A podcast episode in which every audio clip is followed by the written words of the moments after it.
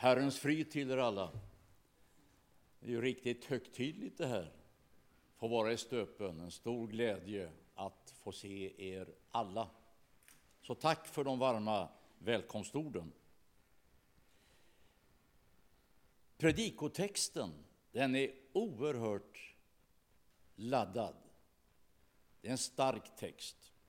Det är väl alla texter på sitt sätt. Men den här, den här, den här texten har jag under den gångna veckan återkommit till den ena gången efter den andra och den berör mig så oerhört djupt. Jag tänkte göra så här att jag läser den en gång och sen läser vi den tillsammans. Och då tar vi den två gånger, så hjälps vi åt att få den att landa i våra hjärtan. Det är Jesus som säger de här orden. Vad hjälper det en människa om hon vinner hela världen men mister sig själv eller går förlorad? Ska vi smaka på de orden? Vad hjälper det en människa om hon vinner hela världen men mister sig själv och, eller går förlorad? Ska vi ta den en gång till?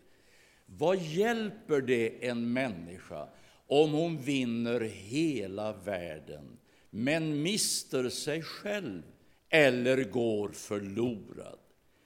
Det här är ju ord som understryker värdet av en enda människa och ställer det då i motsats, eller för att få tag i det här, till hela världen. Det är ord och det är allvarliga ord och jag har stavat på dem som sagt många gånger under den här veckan. Och speciellt det här uttrycket att mista sig själv. Och jag, jag har funderat till och från, vad ligger djupast i det? Och jag tror att jag är någonting på spåren om jag formulerar mig så här att det handlar om att man kan förlora orienteringen. Och förlorar man orienteringen i tillvaron så är risken väldigt stor att man hamnar och är där man inte ska vara. Att mista sig själv. Jag har rubriken väldigt kortfattad för predikan som helhet och det är bara två ord. Jag ska tala om ett liv. Så lyder rubriken. Och när jag har suttit där hemma och växelvis gått omkring i vår, vårt trivsamma hem, tagit en promenad där ute eller gått ner på mina knän, så har en sång tonat fram i mitt inre gång efter annan. Och det är den här sången, eller sångstrofen, Ett enda liv jag äger, som jag har fått av Gud. Och det har vi ju gemensamt alla. Vi har fått ett liv och vi har fått det av Gud. Sen är det så, och jag tror att det blir alldeles speciellt tydligt för en ju äldre man blir, och det är att detta liv går så oändligt fort. Nu blir jag nostalgisk här ett par minuter. Det är ju så här att det har gått nästan 70 år sedan vi som familj flyttade till Stöpen. Alltså det får jag ju inte in under hårfästet, men för det måste ju betyda att jag, har, att jag är 70 då, och kanske till och med mer än så. Men det är ofattbart vad fort livet går. Hit flyttade vi, och så flyttade vi in här mitt emot, först i Hallebo. Där bodde vi ett tag. Så hade far sin lilla snickeriverkstad i det som heter Lilleskog. Och sen sålde man Hallebo och så byggde han om snickeriverkstaden och där hade vi vårt hem och där tillbringade jag lyckliga barndomsår. Men dessutom var det ju så att en väldigt viktig del av barndomstiden och barndomsmiljön, det var ju faktiskt Sion.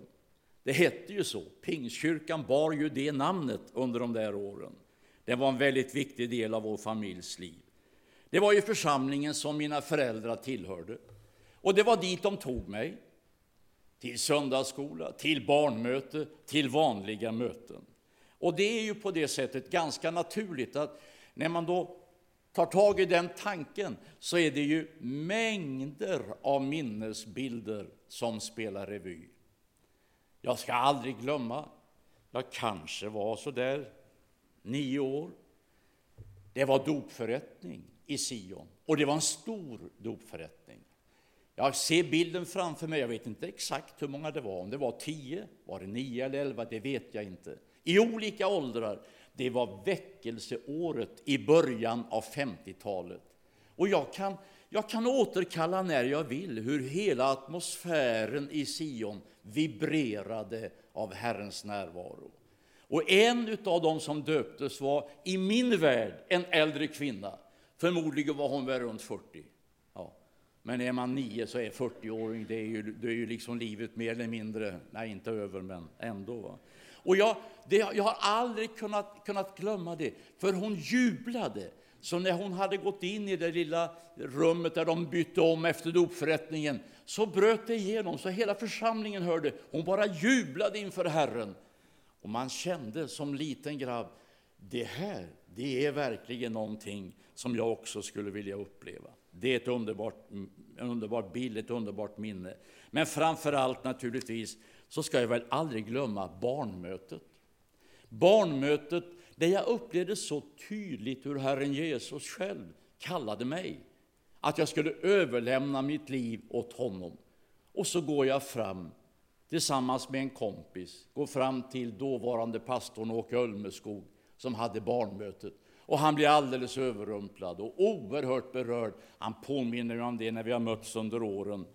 När jag säger, skulle farbror Åke vilja be för oss och be för mig? Jag behöver bli frälst.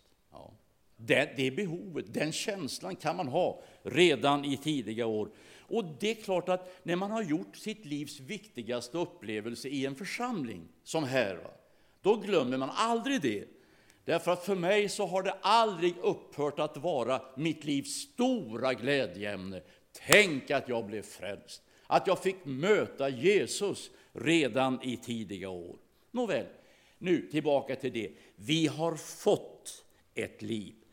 Kan det överhuvudtaget uttryckas vackrare och tydligare än med de här orden från Bibeln? Och nu läser jag innantill. Du, psalmisten vänder sig till Gud och säger, du har skapat mina njurar. Du vävde mig i moderlivet. Jag tackar dig för att jag är så underbart skapad. Alltså känns det ju inte alltid då man står framför spegeln, va? Men, men så är det ju ändå. Det, det är så, vi är underbart skapade allihop. Underbara är dina verk, min själ vet det så väl. Benen i min kropp var inte osynliga för dig när jag formades i det fördolda, när jag bildades i jordens djup. Dina ögon såg mig när jag bara var ett foster. Alla mina dagar blev skrivna i din bok, formade innan någon av dem hade kommit. Vilka ord! Vilka ord! Och vilka ord som verkligen understryker människans värde. Dina ögon såg mig när jag bara var ett foster. Från befruktningsögonblicket Ja, innan din och min mor överhuvudtaget hade fått signalen om att vi var på väg, så såg Gud oss och hade en plan för våra liv. Detta är vad den heliga skrift talar så tydligt om. Du vet väl om att du är värdefull? Jag satt häromdagen och lyssnade på en föreläsning och det var mycket intressant i långa stycken. Men det var en, en mening som bara parkerade i mitt inre. Den som talade sa så här. Guds DNA finns hos varje människa. Smaka på dem. Guds DNA finns hos varje människa. Och det är väl precis på det sättet som det är det som Salomo, den vise Salomo är inne på när han skriver om Gud och människan, de här underbara orden. Allt har han gjort skönt för sin tid. Även evigheten har han lagt i människornas hjärtan. Ändå kan de inte förstå Guds verk från början till slut. Det ligger här, nedlagt Guds DNA hos varje människa. Och då tänkte jag på vad jag läste för en, då, eh, för en del år sedan om, eller av författaren och riksdagsledamoten Kerstin Anér. Hon berättar en liten episod från hennes dotters hem. Och då säger hon så här, Kerstin Anér, att hennes dotter och dotterns man, de var väldigt noga med att överhuvudtaget inte ha något religiöst inslag i hemmet. Man pratade överhuvudtaget inte i religiösa termer. Och så går den här mamman och pysslar i, i lägenheten. Och så helt plötsligt så hajar hon till. Hon hade två flickor, en femåring och en sjuåring. Och så hör hon femåringen säga till stora syster, Du, vad är Gud egentligen? Och så hör hon till sin stora förvåning sjuåringen säga, Gud, det är någon som mamma och pappa säger inte finns. Men han finns ändå. Vad var det? Guds DNA. Den här lilla tjejen, hon visste det finns något. Ja, varför då? Därför att det är nedlagt hos varje människa. Barnen, det är inte för inte som Jesus säger, låt barnen komma till mig och hindra dem inte, för Guds rike tillhör sådana som dem. Det är så, Guds DNA. Och jag tänker ibland på författaren August Strindbergs nästan uppgivna ord. Han som hatade under sina, de flesta, större delen av sitt liv, så hatade han allt vad kristendom hette. Han kapitulerar först när han kom mot avslutningen, men han säger ju om människan, människan är obotligt religiös. Ja, det är bara så. Det finns där, i människans inre. Om jag får göra en liten passus, nu går jag vid sidan om, om själva utkastet.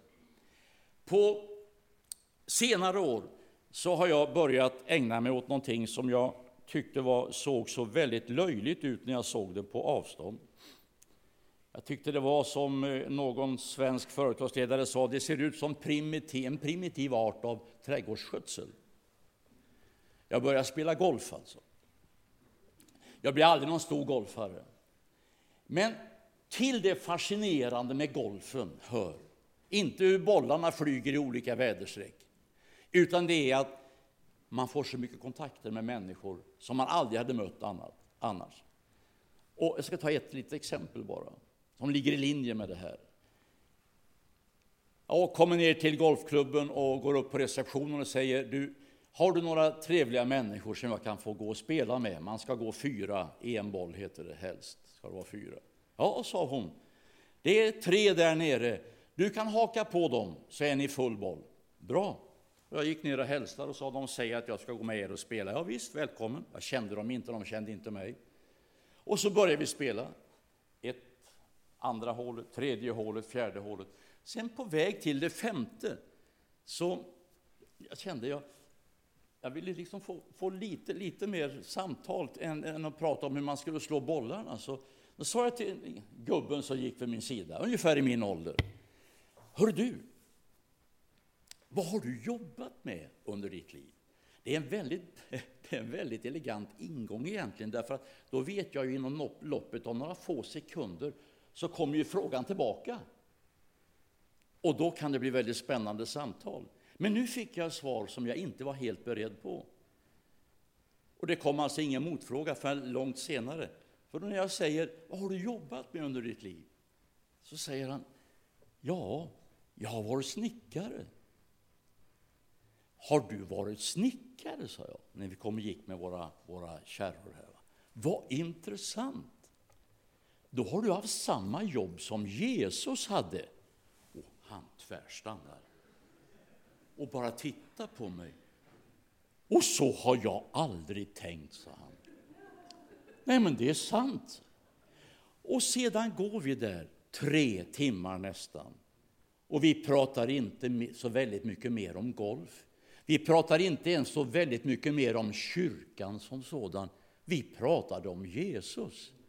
Och när vi hade gått färdigt så sträckte han fram handen och sa detta var den mest intressanta golfrunda jag har gått i hela mitt liv. Hoppas vi kan träffas snart igen. Ja, Guds DNA hos varje människa.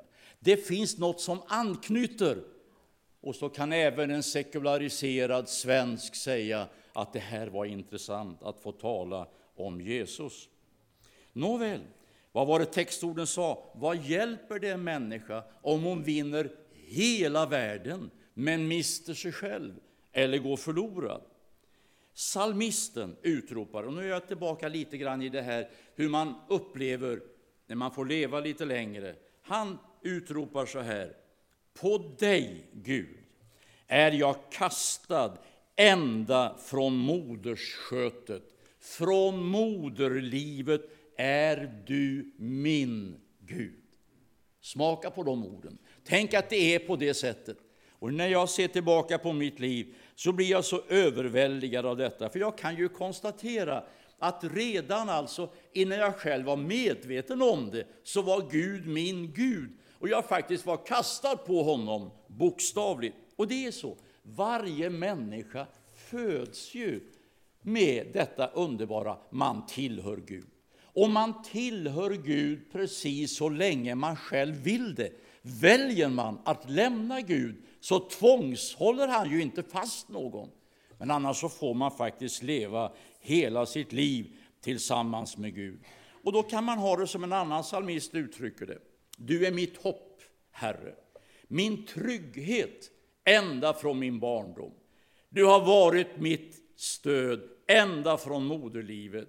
Du har förlöst mig ur min mors inre. Dig lovar jag alltid.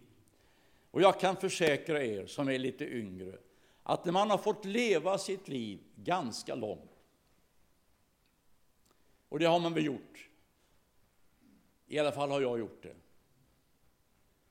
En del, jag var med, jag får ju bjuda på, på den lilla historien. Jag var och predikade i Vallentuna härom söndagen. Och det var en väldigt gripande gudstjänst. Och så ute på kyrktorget när jag hälsar på folk, jag älskar att hälsa på folk, prata lite grann. Så säger en äldre dam som står med sina barn. Får jag fråga, sa hon. Hur gammal är du? Det är lite originellt att få en sån fråga rakt av. Så jag, och jag gjorde det som egentligen var oförskämt. För jag tittade på henne vänligt och sa, vad tror du? Ta inte efter mig, man ska inte fråga, det är oförskämt. Men så, så gjorde jag. Och hon tittar till lite grann och så säger hon, ja, sa hon, har du fyllt 80? Nej, sa jag, inte riktigt. Jag ska fylla 75 först. Oh, som, oh, hon skämdes så fruktansvärt. Men så hade hon sin son stod vid sidan och så sa men du, sa han, du får förstå, eh, mamma. Du vet, vi har ju sett ditt namn alltid. Ja, så det är därför vi tror. Hon trodde att du är så gammal. Ja, så jag, nu är det så här att jag är inte bekymrad om någon tycker att jag ser ut som jag vore 80. De får gärna hugga till ännu mer. Men det underbara är att när man har levt ganska länge, att då få se sig tillbaka igen. Nu är jag nostalgisk när det gäller vårt boende, här, Hallebo, Lilleskog. Jag kan gå till Skövde och andra platser. Jag har ju bott på många platser under mitt liv. Men det är bara så att en hastig blick i mitt livs backspegel, lite nu och då, det ger mig så stor anledning att just göra som salmisten säger, dig lovar jag allt. Alltså man har så mycket att tacka Gud för. Tänk vad mycket som kan hända under en människas livsvandring. Vad mycket som kan gå snett. Hur totalt annorlunda mitt liv hade blivit än vad det har blivit. Men att det har blivit som det har blivit, det finns ju bara en förklaring och det är Guds oändliga nåd. Det är Guds nåd från början till slut. Och därför, när jag ser, ser detta och ser bakåt, då blir jag så oändligt tacksam. Nu är det på det sättet att det rasar om våra själar en oerhörd strid mellan gott och ont. Och det gör att vi är totalt beroende av Gud hela livet. När jag var ung, riktigt ung, så, och kanske speciellt när jag var i början av tonåren, när hormonerna rusar i kroppen kroppen med allt vad det innebär, va, tänkte man att det blir lugnare när jag, när jag blir så gammal så jag är 20. Va? Och sen blir livet lugnare när jag är 30 och sen när jag fyller, och sen när jag blir pensionär, då är det ju fullständigt lugnt. Då möter man inga frestelser, utan då är, det, då är livet då är det stiltje, trodde jag. Jag har lärt mig något annat nu. Det rasar en strid om våra själar hela livet. Han som har svurit vår död, han ger inte upp förrän vi har lämnat den här världen. Och det är därför det är så oändligt viktigt att man ser till att man vakar över sitt andliga liv och att man lever nära Jesus för varje dag. Det är en bön som jag har bett många gånger. Jag har hämtat den från salmen 71. Lyssna ska du höra. Nu läser jag innantill så att jag inte missar någon, något ord här. Så här säger psalmisten. Gud, du har undervisat mig ända från min ungdom och än idag förkunnar jag dina under. Överge mig inte, Gud, när jag blir gammal och grå förrän jag fått förkunna din makt för nya släkten, din kraft för alla som ska komma. Ja. Överge mig inte när jag blir gammal och grå. Nej, det är faktiskt en bön som man har anledning att be. Gammal och grå. Man behöver ju inte bli gammal och torr för att man är gammal och grå. Och det är ju underbart att det faktiskt är möjligt också upp i åren att få leva sitt andliga liv på ett sådant sätt att man känner det pulserar fräscht i hela min varelse. Grå, det blir man. Tänk att man får den där hårfärgen naturligt som en del betalar pengar för att få. Visst är det tjusigt? Va? Ja. Därför ska man vara rädd om sitt grå hår satt hos frisören. Det är ju en prövning att sitta. Alltså en del, det finns ju de som älskar sitt eget utseende så att de blir euforiska bara de ser sig i spegeln. Men för oss lite mer normalt funtade människor så är det faktiskt så att det är nästan en prövning att sitta framför denna obarmhärtigt stora spegel. Och man är ju så nära så man ser ju skavankerna tydligare än man ens hade en aning om att det, det var så. Va? Och så utbrister jag, den här syrianska kvinnan som höll på och härjade med mitt hår. Det var ett tag sedan det här. Och det var väldigt, sa jag, vad jag har blivit gråhårig. Ja, så. Det är inga bekymmer, det kan jag ändra på, så. Nej, du, sa jag. Det får du inte göra. Vet du förresten vad Bibeln säger om det grå håret, sa jag till henne. Nej, vad då? Bibeln säger att det grå håret, det är min ärekrona. Det var vackert, sa hon. Ja, ser inte det grå håret, men ordet. Ja, ja, det är precis på det sättet. Gammal och grå. Gammal och torr. Nej, tack och lov att det går att leva i förnyelsen. Nu nästa punkt. Vi har fått ett liv och vi är alla helt unika.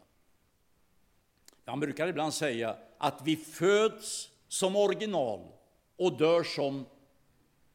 Ja, så brukar man säga. Och det ligger något i det. Alltså, man slipas av, man försöker anpassa sig. Men faktum är det att just detta att vi är unika, det är ju det som gör att vi alla är behövda. Precis så. Det är inte så att om Gud har tänkt dig för en speciell uppgift och du av olika anledningar inte ställer dig till Guds förfogande, så är det inte så att ja, men då har Gud en annan att skicka in där. Nej, det är inte så enkelt. Utan det uppstår luckor i leden om den som Gud har tänkt för något särskilt inte ställer sig till förfogande. Vi är alla unika och därför är vi alla behövda. Jag minns från söndagsskolan när vi sjöng en sång som, den är ju väldigt enkel, men den är så underbart fin. Vi sjöng, nu ska inte jag sjunga. Jag kan inte vad du kan. Du kan inte vad jag kan. Men Gud har en uppgift som passar för dig och en annan som passar för mig. Ja, så här är det. Vi är ju olika allihop. Vi har fått ett liv, vi är alla helt unika. Det finns inte en människa som är exakt likadan som du. Och det här finns ju mängder av exempel, bevis för. Se bara våra fingeravtryck. Man följer de här olika brotts, brottslingarna som åker dit. För en del tar det lång tid. Rätt som det är så slår det till. Då har man hittat ett litet fingeravtryck. Det räcker, för det finns inte två människor med samma fingeravtryck. Det är märkligt med skapelsen. Va? Det finns ju faktiskt de som påstår, jag kan inte leda i bevis, som påstår att det inte ens finns två grästrån som är lika. Eller två snöflingor som är exakt lika. Alltså, allt Gud gör, det gör han i fullständigt original. Nåväl, men då är frågan, vad gör vi med det liv vi har fått? Vi har fått ett liv, vi är helt unika. Vad gör vi med det? Och jag tror att den frågan, den blir inte mindre brännande när man blir lite äldre. För då ställer man sig ju ofta frågan, jag tror du gör det, jag gör det. Ja, men vad gjorde jag med det liv som blev mitt? Då tänker jag på några ord som Salomo skriver. Nu har vi ju ungdomar med här också. För nu är de första raderna, ja nästan alla raderna här, är ju speciellt skrivna för er. Så här skriver den vise Salomo. Du som är ung, gläd dig i din ungdom. Låt ditt hjärta ha det gott i din ungdomsdagar. Vandra ditt hjärtas vägar, följ det dina ögon ser. Men tänk på att för allt detta kommer Gud att kalla dig till doms. Alltså, livet för med sig konsekvenser, och det får vi aldrig glömma. Låt sorgen vika ur ditt hjärta och håll det onda borta från din kropp. För ungdomstiden och blomstringstiden är förgänglig. Och så kommer det, tänk på din skapare i din ungdomsdagar. Och sen kommer det här, det här dystra. Tänk, det var ju härligt, va? tänk på din skapare i din ungdomsdagar. Och så kommer det, innan de onda dagarna kommer och åren då du säger de ger mig ingen glädje. Ja, käre Gud. När kommer de åren? Är det efter 65? Eller när kommer de?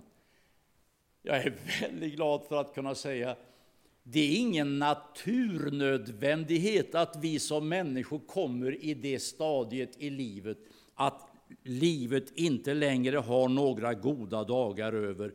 Utan faktum är att Bibeln som helhet understryker man kan faktiskt få leva hela livet i glädje. Så är det.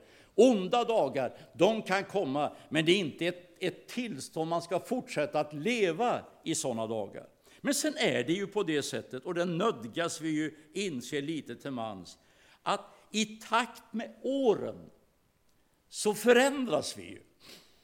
Nu har vi inte tid att gå igenom Predikaren 12. Var inte ängslig, du ska inte sitta här hela, hela valborgsmässoafton. Men det är en fascinerande skildring. Alltså, om du har lust, så lägg det på minnet och sitt och läs och fundera. Vad menas egentligen med de här verserna i Predikarboken 12? Där den vise Salomo i målande, oerhört målande beskriver våra olika åldrar. Och det är klart, när man får leva lite längre så kommer ju den där tiden när man faktiskt får inse man orkar inte riktigt på samma sätt som man gjorde när man var ung. Eller? Nej, det gör man inte. Som en av mina kollegor berättar. Han skulle försöka få med någon medlem i något, hjälpa till med någonting i församlingen, något praktiskt. Och så sa han till honom, du, skulle du möjligtvis kunna hjälpa? Han var duktig den där karln, så han skulle kunna, det visste han. Skulle du, kunna, men det var en pensionär då. Skulle du kunna hjälpa? På torsdag, sa han. Ja, sa den här brodern. Vänta nu. På torsdag? Nej, tyvärr. Då ska jag gå till apoteket. Och så rök den dagen. Och det är klart att då är det ju besvärligt om det gick en hel dag till. Men å andra sidan, det här är en verklighet. Det går lite långsammare. Det blir lite trögare. Det är bara att konstatera. Och jag ska inte ta allt för många exempel på det. Men det som är det underbara, det är vad aposteln Paulus säger. Han säger så här, vi ger inte upp, även om vår yttre människa, alltså den sydliga delen, bryts ner, så förnyas vår inre människa dag för dag. Där finns alltså en möjlighet, även när man kommer upp i åren, att få leva i förnyelsen. Och sen det här med hälsan förresten. Får jag bjuda på en, en, liten, den är ju tragisk historia, men den är ju lite solsken mitt i den. Det är ju så här när man har varit pastorsfamilj och varit många år i en församling så blir det ju väldigt mycket av, av relationer man knyter. Och så har man kontakt. Så här för ett tag sedan så ringde, ringde min kära hustru till en av våra goda vänner i Göteborg som med råga har passerat 80 en klar som kristall och väldigt trevliga människor som vi har haft väldigt god kontakt med i många, många år. Men så säger Margareta så här till den här kvinnan hon pratade med. Du, hur är det med? Och så namngav hon en av våra andra vänner som också är uppe i åren kommen. Ja, sa hon, det är ju, det är ju fantastiskt med, ja, Britta heter hon, det är inte om jag säger det, för det är ju bara förnamn. Det finns ju många som heter Britta.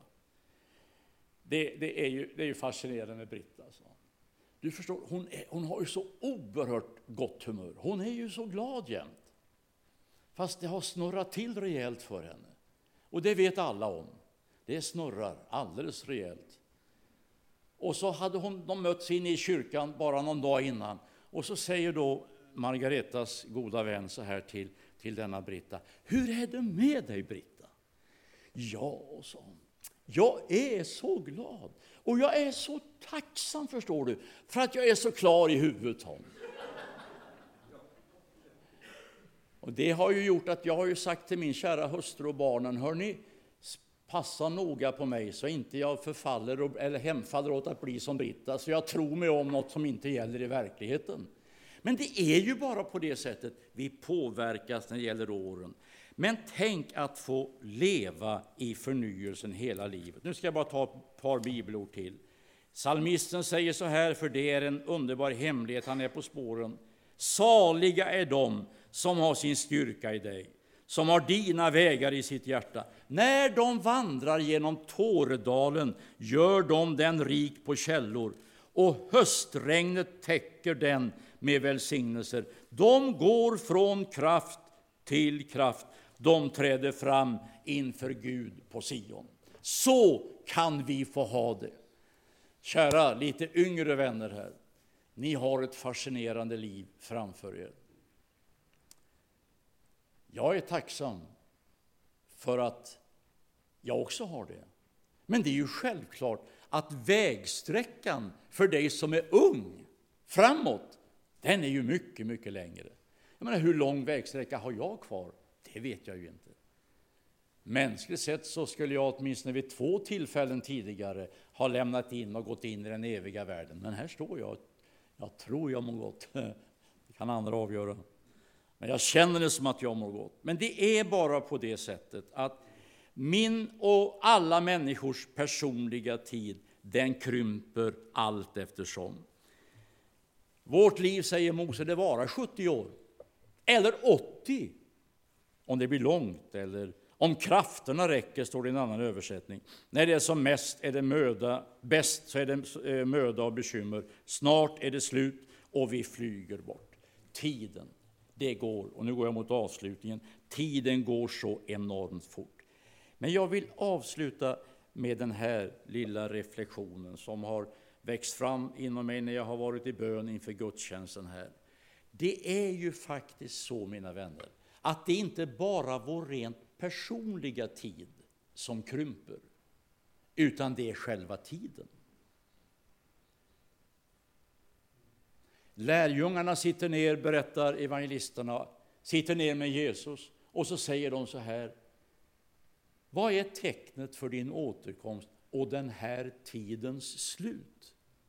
Och i Uppenbarelseboken så står det om ett mycket, mycket märkligt moment i tillvaron. När det ska genljuda genom hela universum, den här hälsningen. Tiden är kort.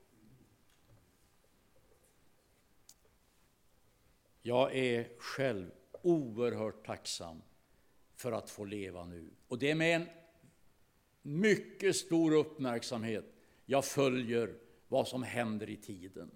Därför att jag upplever så starkt, det är inte bara min personliga tid som krymper, utan nu är det faktiskt tiden för hela mänskligheten. Vi närmar oss den märkliga tidpunkt om vilken Bibeln säger att Jesus Kristus själv ska hämta dem hem till sig som har valt att tillhöra honom. Det är det det handlar om. Och med det så vill jag bara citera en sång som blev så oerhört mäktig för mig. Jag var uppe i Norrland, hade en bibelhelg. Det var Svenska kyrkan och Missionskyrkan och pingstvännerna som bestämde att de skulle ha en gemensam bibelhelg uppe i en plats som heter Trehörningsjö. Är det någon som har varit där? Ja, titta bara. Här finns i alla fall en som är allmänbildad över det normala. Jag måste erkänna, jag hade inte en aning om själv. När de ringde och sa det är från Trehörningsjö. Vet du var det ligger, sa kvinnan som ringde. Ja, så jag, nu får jag avslöja min okunnighet. men jag skulle kunna gissa att det ligger någonstans i trakten av Övik. Ja, det var inte dumt gissat, sa hon. Det ligger någonstans där också. Ja, ja. Då hade jag en bibelhelg. Och då hade de kört samman sångare från Svenska kyrkan, Missionskyrkan och Pingstkyrkan. Och i ett av mötena så sjöng de en sång av Nils F Nygren. Och den där sången har följt mig sedan dess. Där de gång på gång så återkommer man i refrängen till de här orden. Herre, gör något med resten av mitt liv. Det är du. Jag skulle önska att när vi nu går mot avslutningen av predikan, jag ska strax be en liten bön tillsammans. Tänk om det kunde bli allas vår personliga bön. Herre, gör något med resten av vårt liv. Om du är uppe i åren kommen, du kanske nästan rent av är årskamrat med mig eller ligger i det här häradet, va?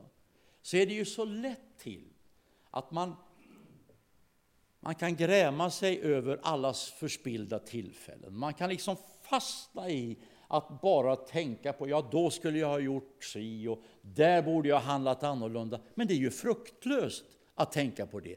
Det som ligger bakom kan jag inte påverka. Men att kunna säga av hela mitt hjärta, Herre, gör något med resten av mitt liv. Och då är det som jag var inne på nyss i predikan här, då finns det ju ungdomar här som mänskligt sett har väldigt många år framöver. Men vi andra då, som inte är unga längre, ja, vi har en kortare sträcka. Men kortare eller längre, det betyder i sammanhanget väldigt lite. Man kan säga, Herre, gör något med resten. Ja. Om det här är min sista dag på jorden, Herre, gör något med den här dagen så att jag får vara till någon välsignelse. Och tänk om man kunde få vara med om detta. Jag tror att vi ändå har den, den längtan allihop Tänk om det kunde vara så att när vi kommer hem till Gud, att man skulle där få möta någon som skulle säga Jag har tackat Gud för att jag fick träffa dig och att du visar mig vägen hit så att jag också är här nu.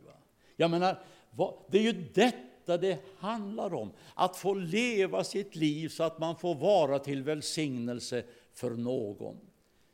Jag har några, du har säkert dem, jag har några som är våra dagliga bönämnen. Min kära hustru, hon har sin bönelista och där är det många namn. Hon går igenom dem varenda dag. Och det är gripande, för bland dem så har vi några som vi träffar regelbundet. Och så ber vi. Det är inte så att man ska hålla på och försöka mata människor med, med, med Guds ord. Det är inte det det handlar om. Men vi har denna bön, käre Gud, hjälp oss nu idag att vi ska leva så nära dig så att människor vi möter ska känna vi har någonting som de också skulle få uppleva. Och det är speciellt en, jag vill bara säga det, jag är så rörd av detta. En man som jag kom i kontakt med för 10-11 år sedan.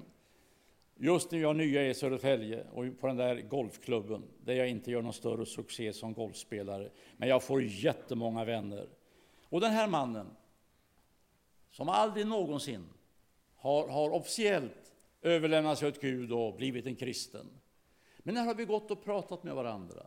Och så bjuder vi hem honom och hans fru ibland och så går vi hem till dem ibland. Och så sitter vi där och pratar med varandra. Och här då, följdriktigt för några år sedan, så kom det en förfrågan om man kunde få bli min vän på Facebook. Jaha, det är lite lustig tid man har vänner av olika slag, men Facebook-vänner också. Det är något, en speciell kategori som man kan ha, man vet knappt vilka de är. Jag vet i alla fall inte vad alla de där hundratals är som jag har kryssat in att det är okej. Okay. Men det, det, är en sak. Va? Men det som har tagit tag i mig, de senaste, jag kan nog säga fem, sex åren, så ser jag varje gång när jag skriver, för jag skriver alltid när jag ska ut och predika, för jag tänker det är alltid någon som, av mina vänner som ser det där, så kanske de kommer på mötet. Och inte bara det, då ber de till Gud för mig också. Men så började han, så han trycker alltid, du som inte kan den här världen, den är ju lite konstig, va? men där kan du trycka på en gilla-knapp, du gillar det den där människan skriver. Ibland så kan du också kommentera. Och nästan, nästan varje, ja alla gånger när jag skriver om jag ska ut och predika, så trycker han på gilla-knappen. Och nästan varje gång så kommer kommentarer. Och tänk då att det handlar om en man som har funnits långt utanför den traditionellt kyrkliga sfären. Och så skriver han ungefär på det här sättet. Ha det bra, Jack Tommy, när du är ute och predikar. Herren är med dig. Det du! ja, det rör sig. Och då känner jag det är underbart. Och jag, jag säger till honom när vi träffas, det är härligt du. Du tänker på mig va, när jag är ute och predikar. Ja, ja, det gör jag absolut. Ja, det är bra. Ja, be för mig. Så. Du vet, jag ber ju för dig varje dag, så det är ju bara schysst att, att du ber för mig också. Och så har vi tagit i hand på det. Skulle jag fråga honom hur det är fullt ut, ja, om han finns med i något kristet sammanhang? Nej, det, då skulle han bli lite tveksam. Men så du, han har Guds DNA här inne. Och det är någonting som håller på att hända. Och jag har ju den här längtan, käre Gud, jag ska ha med honom hem. Ja, jag ska ha med honom hem. Vi har säkert sådana här lite till mans. Vi har fått ett liv. En stor del av det livet du har fått och jag har fått, det har gått. Men Herre, gör något med resten av mitt liv. Kan vi böja våra huvuden? Vara stilla i bön, så ska jag bara ge en kort, en kort liten möjlighet för dig som upplever att, att du är berörd i, idag. Du känner att Herren talar till dig på ett speciellt sätt. Kanske att det är så att du är uppe lite grann i åren och du betraktar det som att ja, livet är kört. Nej, men det är det inte. Du lever ju idag. Sannolikheten för att du lever imorgon är ganska god. Och därför att du kunde göra Nils F Nygrens ord till dina. Herre, gör något med resten av mitt liv. Eller du som är medelålders, du som är ung och mänskligt sett har många år framöver. Tänk om du skulle ha den här bönen också till din. Herre, gör något med resten av mitt liv. Vill du att jag ska be en särskild bön för dig så kan du bara lyfta din hand diskret där du sitter så ska jag ta med dig i bönen alldeles strax. Du som vill ha förbön. Så ser Herren dig och vet precis vad som rör sig i ditt inre. Gud välsigne dig där och där och där. Oh ja, det är en stund av överlåtelse nu. Jag upplever så starkt i mitt inre att, att Herren manar dig och mig att inte bara hålla på och tänka på det som gick fel och så hålla på och gräma oss över det, utan kunna rikta in oss på det som ligger framför. Herre, gör något av det. Är det ännu någon? Åh, Gud ser din hand och där. Herre, jag är så innerligt tacksam till dig för att du är oss så nära. Du vet vad som rör sig i vårt inre idag. Tack för det liv du har gett oss. Tack för gåvor du har lagt ner i vårt inre. Och jag ber, Herre, hjälp oss alla, om vi är unga eller äldre, att vi ställer vårt liv till ditt förfogande. Och Herre, jag ber, gör oss till välsignelse. Herre, gör något med resten av vårt liv. Hjälp särskilt de vänner som finns i min åldersgrupp och som har grånat och, och som du vet Herre hur lätt det är för oss att vi bara ser tillbaka och tänker på där det gick fel. Och det kan bli, vi kan bli så fixerade vid detta så att vi inte kommer ut ifrån det. Herre, jag ber om befrielse nu och jag ber om en helt ny inriktning framåt. Halleluja! Så vill jag tacka dig för det underbara kapital som alla unga människor är här. Tack för böner som idag sänds upp från yngre också som ber, gör något med resten av vårt liv. Amen.